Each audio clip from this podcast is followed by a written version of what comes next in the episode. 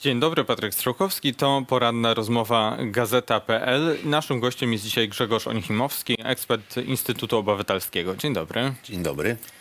Rozmawialiśmy tutaj w naszym studiu e, w czerwcu mm, u progu wtedy e, kampanii wyborczej na temat tego, jakie będą w kam- czasie kampanii postulaty Koalicji Obywatelskiej. Instytut Obywatelski pracował nad tym programem energetycznym, który później, którego założenia później poznaliśmy.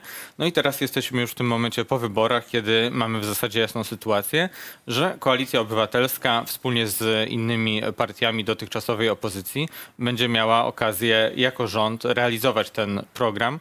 Jakie, jakie będą priorytety, co będzie tymi sprawami do załatwienia na początku, jeśli chodzi o energetykę, transformację energetyczną? No przede wszystkim musimy zacząć tę transformację na serio. E, trzeba do niej zdobyć środki, mm, czyli Krajowy Plan Odbudowy, e, środki e, również z funduszy strukturalnych. E, to będzie, mm, to będą olbrzymie pieniądze. Trzeba liczyć się z tym, że w najbliższych latach, y, szczególnie w roku 2025-2026, e, będą bardzo duże środki kumulowały się z różnych źródeł.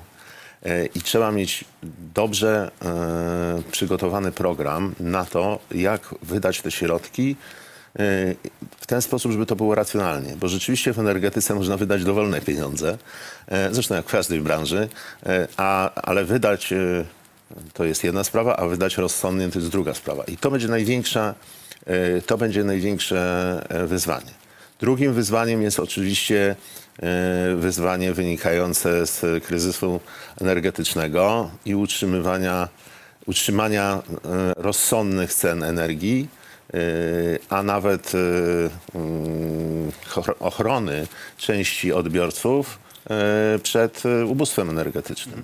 Cena i troska to były jedne z tych takich hasłowych filarów tego programu i to chyba będą decyzje, które trzeba będzie podjąć bardzo szybko, bo rząd i- będzie sformowany za, za ileś tygodni. Zobaczymy, jaką decyzję podejmie e, prezydent Andrzej Duda, no ale tak czy siak rzeczywiste zaczęcie funkcjonowania nowego rządu, no to będzie sama końcówka roku, więc te decyzje, jeśli chodzi o ceny, ceny prądu w przyszłym, będą musiały pewnie zapadać szybko. Tak, szczególnie, że mamy do czynienia z taką bardzo nietypową sytuacją, bo z jednej strony są tak zwane taryfy, prawda? My wszyscy jako odbiorcy indywidualni e, energii elektrycznej jesteśmy objęci taryfowaniem e, prowadzonym prze, przez prezesa URE, ale z drugiej strony są tak zwane ceny zamrożone. E, I one są dużo poniżej tych taryf, bo taryfy są na poziomie tak zwanego kosztu uzasadnionego dla spółek energetycznych liczonego przed rokiem, czyli wówczas, kiedy ceny były najwyższe. W związku z tym te taryfy, które dzisiaj są, są stosunkowo wysokie. I teraz jeśli zakończy się okres mrożenia cen, a nie zostaną przedstawione przez spółki nowe, niższe taryfy, no możemy e, mieć do czynienia z e, drastyczną podwyżką e, ceny energii elektrycznej. I oczywiście z jednej strony trzeba tak ustawiać politykę energetyczną, żeby liczyć na oszczędności i na to, że ludzie będą zachowywać się racjonalnie i zużywać energii jak najmniej, ale z drugiej strony nie możemy ich postawić w sytuacji e, drastycznych podwyżek. Czyli tutaj będzie, będzie trzeba czekać na jakieś takie konkretne rozwiązanie, niekoniecznie przedłużenie tego mrożenia cen, ale jakąś formę y, osłony czy wszystkich, czy, czy części odbiorców. Być może trzeba będzie po prostu na e, pewien bardzo określony, krótki okres, na przykład na tę zimę, która nadchodzi, e, zdecydować się na przedłużenie. W szczególności mm, uważam, że jest to ważne wobec tych e, z nas, którzy mają niskoemisyjne źródła ciepła. E, Dlatego, że mm, poprzednia władza, nadchodząca już, no, w ostatnich latach mm, wróciła do promowania pozaklasowego węgla e, w miejsce pomp ciepła czy efektywnych e, pieców gazowych. I musimy tę sytuację zmienić, bo mm, uważamy, że Polska do roku 2030 powinna właściwie zrezygnować z tych najbardziej emisyjnych źródeł w ogrzewaniu indywidualnym. No musimy wreszcie ten smog zwalczyć. Tak? To, i, I mamy na to środki, y, tylko musimy te środki wydać, tak jak mówiłem, już rozsądnie. Po ośmiu latach rządów y, PiSu, Zjednoczonej Prawicy, teraz nowy rząd przejmie pewne otwarte projekty, pewne zmiany y, czy brak zmian, które, które były przez te 8 lat w energetyce. Co Pana zdaniem z tych rzeczy, które toczyły się y, za dotychczasowych rządów, y, na przykład projekt atomowy, program Czyste Powietrze, projekt Narodowej Agencji Bezpieczeństwa Energetycznego, czyli połączenia tych dotychczasowych aktywów węglowych. Co z tego jest do, do zostawienia przez obecny rząd, do kontynuacji w jakiejś formie, a co jest do, do zmiany czy rewizji? No to jest e, wbrew pozorom nie takie łatwe pytanie, ponieważ musielibyśmy się w każdy ten projekt e, troszeczkę bardziej zagłębić. E, Bo e, na pewno program Czyste Powietrze będziemy kontynuować. E, Mówimy nawet o jego uzupełnieniu o kredyt 0% dla tych osób, które nie spełniają kryteriów dochodowych w czystym powietrzu, bądź też spełniają, ale są w tej najwyższej grupie i nie mogą dostać pełnych dofinansowań.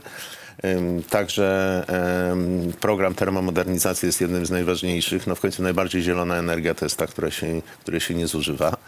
E, A pozostałe programy, no tutaj e, tu rzeczywiście trzeba się im przyjrzeć, bo weźmy chociażby program atomowy. Tak? Dzisiaj ja odnoszę takie wrażenie, że to jest program, który jest konstruowany w ten sposób, że wydaje się jakieś pieniądze, tak naprawdę nie widząc, jaki jest horyzont e, dalej.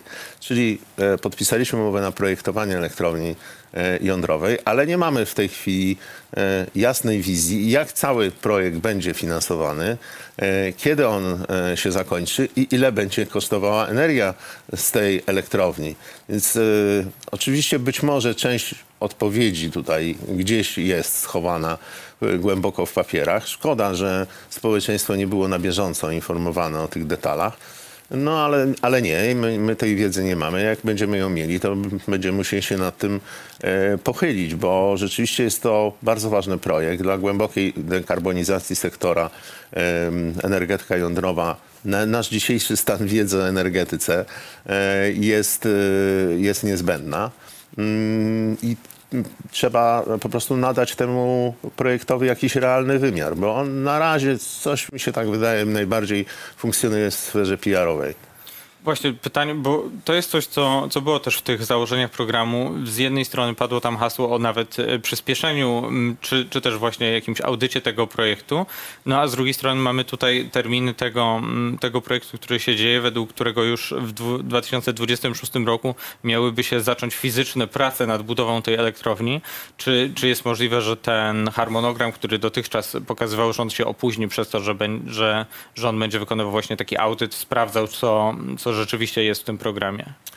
No, na dzisiaj to jest trudno powiedzieć, tak? Bo to, e, tak jak mówię, no, my, ja na przykład e, osobiście już zastanawiam się nad tym, e, jakie w aktualnych umowach stworzyliśmy gwarancje ze strony dostawcy technologii, tak? Bo rząd teraz mówi, że z jednej strony jakby nawet nie pożąda obecności Amerykanów w tym projekcie w sensie kapitałowym, strony amerykańskiej, z drugiej strony, e, czyli że ma być to stuprocentowa spółka Skarbu Państwa, z drugiej strony chce to finansować przez tak zwany kontrakt różnicowy, czyli jakby ubezpieczenie ze strony państwa ceny, jaką inwestor w przyszłości dostanie na energię elektryczną produkowaną e, w tej elektrowni. Wygląda to na dosyć paradoksalne rozwiązanie, że państwo umawia się z państwem, że, że zabezpieczy mu cenę, e, jeśli to jest stuprocentowo spółka Skarbu Państwa. Więc gdzie tutaj gdzie tutaj są, e, są te szczegóły. Trzeba, to, trzeba do tego sięgnąć. Tak? E, poza tym no, trzeba mieć świadomość, że ten e, sposób finansowania był em, preferowany na samym początku tego projektu, jeszcze zarządów PO-PSL. Taki sposób pos- e, finansowania był pozostawiony przez, wówczas przez e, odchodzący rząd e, premier Kopacz. E, Później nowa władza zakwestionowała ten sposób, powiedziała, że jest to e, przepis na najdroższą energię na świecie, a teraz do niego wraca w sytuacji, kiedy jeszcze wyższe są e, stopy procentowe niż były wówczas. Więc e, należy się zastanowić, e, czy to, e, czy to jest rozsądny e, sposób postępowania, ale oczywiście e, trzeba to robić bardzo szybko, bo mm, już dzisiaj sądzę, że ten projekt jest opóźniony. Właśnie, a propos tego tempa. e, Kolejny z punktów programu Koalicji Obywatelskiej do 68% energii odnawialnej w 2030 roku. Teraz jesteśmy w roku 2023, mamy 20 parę procent. Ambitny cel, czy możliwy do zrealizowania w 7-8 lat, właśnie biorąc też pod uwagę e, to, że na przykład energetyka wiatrowa była przez 8, osta- e, przez 8 lat dotychczasowych rządów e, w dużym stopniu zablokowana. Nam się, my jesteśmy przekonani o tym, że to jest możliwe. I mamy kilka pomysłów, jak to zrobić. W ramach tych 100 kroków, 100 pierwszych e, projektów, które e, Koalicja Obywatelska ma zamiar zgłosić e, w Sejmie, czy też realizować innymi drogami pozaustawowymi, jest kwestia dalszej libe- liberalizacji tzw. ustawy odległościowej. E, Ale nie tylko tutaj e, widzimy e, pomysł. Tym bardziej, że ta ustawa będzie, m, nawet jeśli Sejm ją przyjmie, no to wciąż będzie wymagać em, podpisu prezydenta, żeby wejść w życie. A Andrzej Duda m, wypowiadał się dosyć negatywnie na przykład o tym, że nie podobają mu się wiatraki w krajobrazie. No tak, ale nie sądzę, żeby, żeby kwestie tutaj widoku były, były najważniejsze. Ale ostatecznie to prezydent zdecyduje jeszcze do dwute- 2025 roku. O ile nie będzie większości do odrzucenia weta, no to prezydent Andrzej Duda będzie mógł zablokować taką ustawę, nawet jeśli Sejm ją poprze wcześniej. Zobaczymy. Uważam, że jeśli chodzi o energetykę wiatrową, to rzeczywiście tą energetykę wiatrową na lądzie, to był to najbardziej e, lekceważony element transformacji, a e, jest to zdecydowanie najtańsza energia. Poza tym w Polska e, ma to do siebie, że w Polsce, e, w naszym klimacie istnieje prawie stuprocentowa negatywna korelacja między wiatrem a słońcem. Czyli pod te same, no bo zn- znowu mówimy sieci, tak? Sieci są wąskim gardłem, ale wtedy pod jedno przełącze możemy, możemy podłączać właśnie i źródła wiatrowe, i źródła słoneczne, ewentualnie jeszcze magazyny energii, biogazownie i tak dalej, i tak dalej. Czyli w praktyce chodzi o to, że kiedy świeci słońce, to raczej nie wieje, ale kiedy nie świeci słońce, to raczej wieje. No tak, e, chociażby prawda, zimą, e, mam szczególnie tam e, od grudnia, stycznia mamy do czynienia z dość permanentnym, silnym wiatrem, natomiast jest mało słońca. I z kolei w, w letnich miesiącach jest dużo energii z fotowoltaiki, a dużo mniej e, z wiatru. I to jest w ogóle element trochę szerszego obrazka, bo my ciągle e, rozmawiając o e, transformacji mówimy odnawialne źródła energii na przykład. Natomiast nie rozumiemy, że ta transformacja to jest proces, który obejmuje tak naprawdę całą gospodarkę. I e, właśnie mm, korelacje, czy też e, e, wzajemne wspieranie się poszczególnych branż, jeśli chodzi o realizację transformacji, jest kluczowe. Klasycznym przykładem jest to, czego jesteśmy byliśmy świadkami w ostatnich miesiącach. Bardzo często operator systemu przesyłowego wyłączał duże źródła fotowoltaiczne, bo mieliśmy po prostu za dużo energii w systemie, e, a trzeba było utrzymać tak zwane minima techniczne e, w elektrowniach cieplnych, żeby można było je później e, szybko, szybko wznowić pracę w nich na większym, z większą mocą. A jednocześnie w miastach, oczywiście na pół gwizdka, ale funkcjonowały elektrociepłownie, żeby zapewnić nam chociażby ciepłą wodę w kranach. Dlaczego nie można było zużyć tej energii chociażby do tego celu? Tak? Moim zdaniem e, to jest właśnie kwestia tego, że my nie widzimy tego powiązania sektorów, e, które jest e, absolutnie kluczowe w transformacji, bo Mówimy ciągle magazyny energii, ale przecież magazynem energii jest każdy dom, magazynem energii jest każda fabryka. Tylko trzeba wiedzieć, jak z tego magazynowania korzystać i mieć takie rozwiązania rynkowe, które będą powodowały, że będzie nam się to opłacało, czyli żeby ta energia się nie marnowała.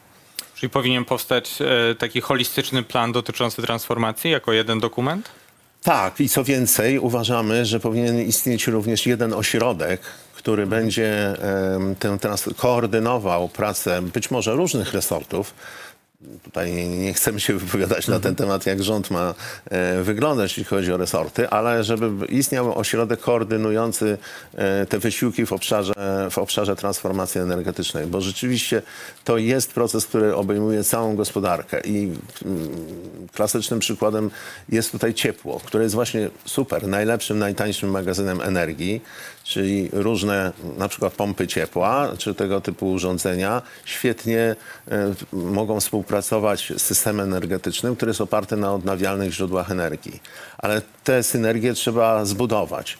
Trzeba je zbudować na szczeblu tym najniższym, samorządów, trzeba je zbudować na szczeblu rządu, no i trzeba e, odpowiednio dostosować rozwiązania rynkowe, żeby to wszystko zaczęło ze sobą działać. Mm, Obecny mm, odchodzący rząd podpisał z górniczymi związkami zawodowymi tak zwaną umowę społeczną, w której obiecywał, że co najmniej część e, kopalń, część elektrowni na węgiel kamie- kamienny będzie działać do końca lat 40. Jeśli mm, te plany, e, które przedstawia Koalicja Obywatelska i inne partie, bo one są w dużej mierze y, zbieżne, będą zrealizowane, no to już za, za kilkanaście lat wiemy, że tego węgla będzie potrzeba mniej. Jeśli będziemy mieli 60 kilka procent prądu z OZE, do tego elektrownię atomową w latach 30., trochę elektrowni gazowych, na ten węgiel przestaje być miejsce już za kilkanaście lat. Jak będą wyglądały te rozmowy z, z górnikami, z firmami, które są właścicielami kopalni elektrowni węglowych w, mm, a propos tego, jak będzie się zmieniać ta rzeczywistość w stosunku do tego, co, co obiecywał dotychczasowy rząd? No, trzeba przede wszystkim powiedzieć, że również dotychczasowy rząd e, tak naprawdę e, prowadził e, kilka polityk energetycznych. Bo je, jeśli byśmy spojrzeli do e, tego dokumentu Polityka Energetyczna Polski, w szczególności do je- jego nowelizacji, któr- która nie została przyjęta oficjalnie, ale, e, ale była przedstawiona przez Ministerstwo Klimatu do konsultacji e, i popatrzeć w konsekwencje założeń, które tam były e, wpisane, chociażby dotyczące również o tym do, tej pory nie mówiliśmy, tak zwanej małej energetyki jądrowej i tego, że te re- reaktory typu SMR miałyby się pojawić już w Polsce w latach 30., to jakby dobrze policzyć, to by się okazało, e, że również w planach rządu Zjednoczonej Prawicy tak naprawdę w końcu lat 30. nie byłoby kompletnie miejsca na węgiel, bo te elektrownie węglowe, jeśli wszystkie SMR-y i duże elektrownie jądrowe działałyby na zasadach właśnie e, takiego, takiej um, mm, takiego kontraktu różnicowego, czyli de facto działałyby w podstawie, to, to miejsca na węgiel, no może troszeczkę by było jako na źródło szczytowe, no ale umówmy się, w, wtedy tego węgla dla, e, dla tych bloków na to, żeby one pracowały 100 czy 200 godzin w roku, potrzeba byłoby rzeczywiście w aptekarskich ilościach. My nawet można powiedzieć, że w pewnym sensie e, bardziej patrzymy na węgiel e, jako na możliwość e, uzupełnienia tego miksu opartego na OZE. E, To wynika z, z filozofii tak zwanego rynku mocy, który działał do tej pory i który preferował budowanie wielkich źródeł gazowych. Takie źródła w tej chwili są już budowane, e, chociażby e, w mm, elektrowni Dolna Odra czy Ostrołęka. E, Te bloki nie mają dużo większej elastyczności niż bloki węglowe, ale taka była konstrukcja rynku mocy, że po prostu opłacało się je budować. Chcemy to zmienić tak, żeby patrzeć na całość kosztów. Bo e, jeśli będziemy z kieszeni nas wszystkich jako e, klientów, tylko nie w cenie energii, a w, cenach opłat przesyłowych, e, płacić za powstawanie jednostek, które za 10 lat zostaną zamknięte, bo na przykład pojawią się SMR-y czy inne źródła zeroemisyjne, no to sens takiej operacji jest bardzo ograniczony. Więc mm, jedną rzecz chciałem powiedzieć, bo to bardzo przydługie, ale e, jakby chciałem na- nawiązać do tego, że e, właściwie ten rok 2049, w- jak popatrzymy na plany aktualnego rządu, czy odchodzącego rządu, on był już wówczas absolutnie nierealny. E, Natomiast e, jak powinniśmy to No właśnie. zmieniać? Najpierw musimy mieć dokładny plan tego, uwzględniający również zasoby, bo my tak naprawdę ciągle mówimy o tym, że mamy bardzo dużo węgla, a w rzeczywistości mamy tego węgla najwyraźniej bardzo mało, skoro jest on już dziś najdroższy na świecie. No bo cena węgla w Polsce e, jest wyższa dużo niż ceny międzynarodowe i w zasadzie dzisiaj polski węgiel jest znacznie droższy od węgla importowanego. No, strategią dotychczasowego rządu na to było po prostu mówienie jednego na kongresach gospodarczych czy w planach, a mówienie drugiego na spotkaniach ze, ze związkami zawodowymi. Zakładam, że to jest coś, co być, być może będzie musiało się zmienić. Przechodząc jeszcze, czy zostając przy tych elektrowniach węglowych, e, jeszcze w tym tygodniu już po wyborach e, rząd wciąż PiSu e, negocjował i, i udało się wynegocjować to, żeby można o kilka lat przedłużyć to wsparcie publiczne, finansowe dla e, elektrowni węglowych e, do 2028 roku. Właśnie, żeby być może była taka ich rola tego, tej, mm, tej, tej szczytowej, szczytowej mocy, to taki trochę prezent chyba dla nowego rządu, że będzie... No też tak o to odbieramy. też tak to będzie odbieramy. mógł w stanie. No właśnie, o co, o co dokładnie tutaj chodzi? Bo to jest trochę dosyć techniczna kwestia, ale ważna, bo słyszeliśmy ze strony ekspertów, że bez tego, bez tych elektrowni węglowych i, i możliwości legalnego ich e, wspierania finansowego, no to mogłoby nam po prostu zabraknąć mocy, zabraknąć możliwości produkcji prądu za kilka lat. No tak, bo tu trzeba rozróżnić między dwiema, dwoma pojęciami, prawda, które bardzo często są e, mylone w energetyce, między mocą e, a energią. E, moc jest potrzebna w elektrowniach, tych konwencjonalnych, po to, że jeśli warunki pogodowe są niekorzystne i źródła odnawialne nie pracują, e, można było szybko uzupełnić e, właśnie brak mocy poprzez elektrownie konwencjonalne. E, Elektrownie, z kolei źródła odnawialne mają absolutnie konkurencyjne, dużo niższe koszty od źródeł, od źródeł na paliwa kopalne, więc wypychają je z rynku wtedy, kiedy tylko mogą pracować. E, I dlatego potrzebne jest rozwiązanie, które da nam możliwość e, no, tworzenia tego backupu, tego, tej, te, tego pokrycia zapotrzebowania na moc ze strony jednostek konwencjonalnych, e, nawet wówczas, jeśli będziemy mieli tej energetyki odnawialnej więcej. Oczywiście istnieje szereg rozwiązań, o tym mówiłem, magazynowanie energii, dostosowywanie popytu do e, sytuacji w systemie, ale jednak e, pewna część te, tego jest potrzebna. W związku z tym e, być może właśnie elementem tego, o czym powiedziałem, czyli tej zmiany e, może nawet nie strategii, a bardziej taktyki, jak dochodzimy do zeroemisy- zeroemisyjnej e, energetyki i w większym stopniu przechodzenie przez ten, jeszcze przez ten etap węglowy, żeby nie budować na przykład jednostek gazowych na bardzo, bardzo dużych i e, które będą potrzebne ba- m, stosunkowo krótko, no to taki e, zmiana tej, tej taktyki będzie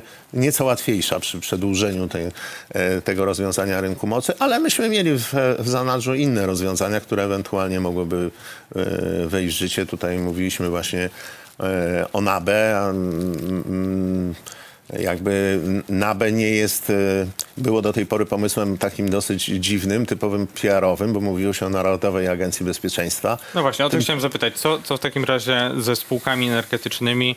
Mm, Tutaj ta, ta ich rola dotychczas była e, mocno scentralizowana. E, Jeśli spojrzymy też na Orlen, który stał się ogromną, ogromną korporacją po fuzjach. Duża rola Polskiej Grupy Energetycznej.